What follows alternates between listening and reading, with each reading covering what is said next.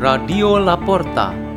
The door is open for you for the growing of knowledge and wisdom of God.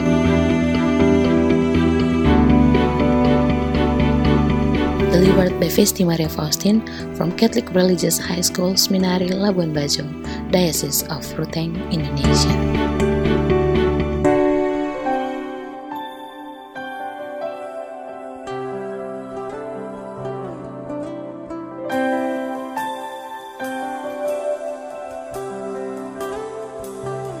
Reading and meditation on the Word of God on Thursday of the seventh week of Easter, May 25, 2023.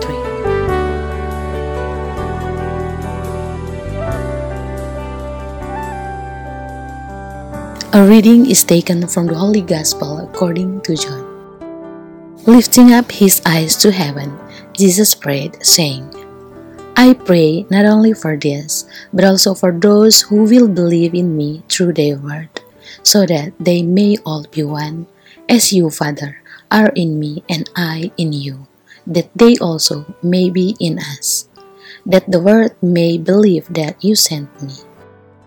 And I have given them to the glory you gave me, so that they may be one as we are one, I in them, and you in me, that they may be brought to perfection as one, that the world may know that you sent me, and that you loved them even as you loved me. Father, they are your gift to me. I wish that where I am, they also may be with me that they may see my glory that you gave me, because you loved me before the foundation of the world.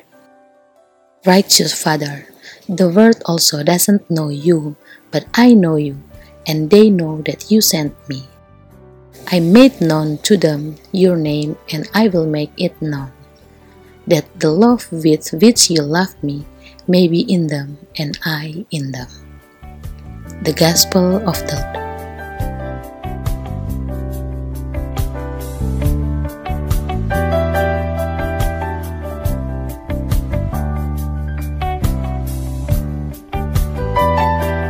Our meditation today has the theme May We Are United. There was a five years old boy who was praying in his room. His parents heard from outside the room as if the boy was talking to someone. They peeked in the opening of the door and saw the child looking up with both hands open. He exclaimed in his prayer, Lord Jesus, I often pray to you, but I have never heard you pray for me. Now I want to hear you pray for me. That boy actually wants to know whether Jesus prays for us humans or he only listens, then later answers to our requests. This is also often a question of many of us. Today, our Gospel reading describes a very special prayer of Jesus. Namely, he prays that there will be unity between God and human beings and between every man and woman. So, Jesus prays for each of us and everyone around us that may we are united. Why is his prayer that may we are united or not be should be united? The most obvious reason is that God gives every human person freedom to choose the way to unity or to separation or division. This is the same as human freedom to obey the Lord or to go against Him. Our life is an arena of play and struggle to determine who chooses God and who doesn't. Therefore, human freedom is a natural gift that helps us to determine the actual condition of our faith and spiritual growth. Another reason perhaps we are not aware of is the preparation as a very important element in our lives. Jesus' prayer intention should encourage us to prepare in building up a genuine fellowship between us, the sons and daughters of God on earth. This preparation aims to increase our taste and longing for an eternal communion in heaven, which will be achieved after everyone's death. We, therefore, must not underestimate or ignore every form of unity that we build together in this world. We will disappoint the Lord if we underestimate it. The reason which should be the most important one is there is only one God who has an eternal dwelling place in heaven. We have to go through a long journey and process in order to get there.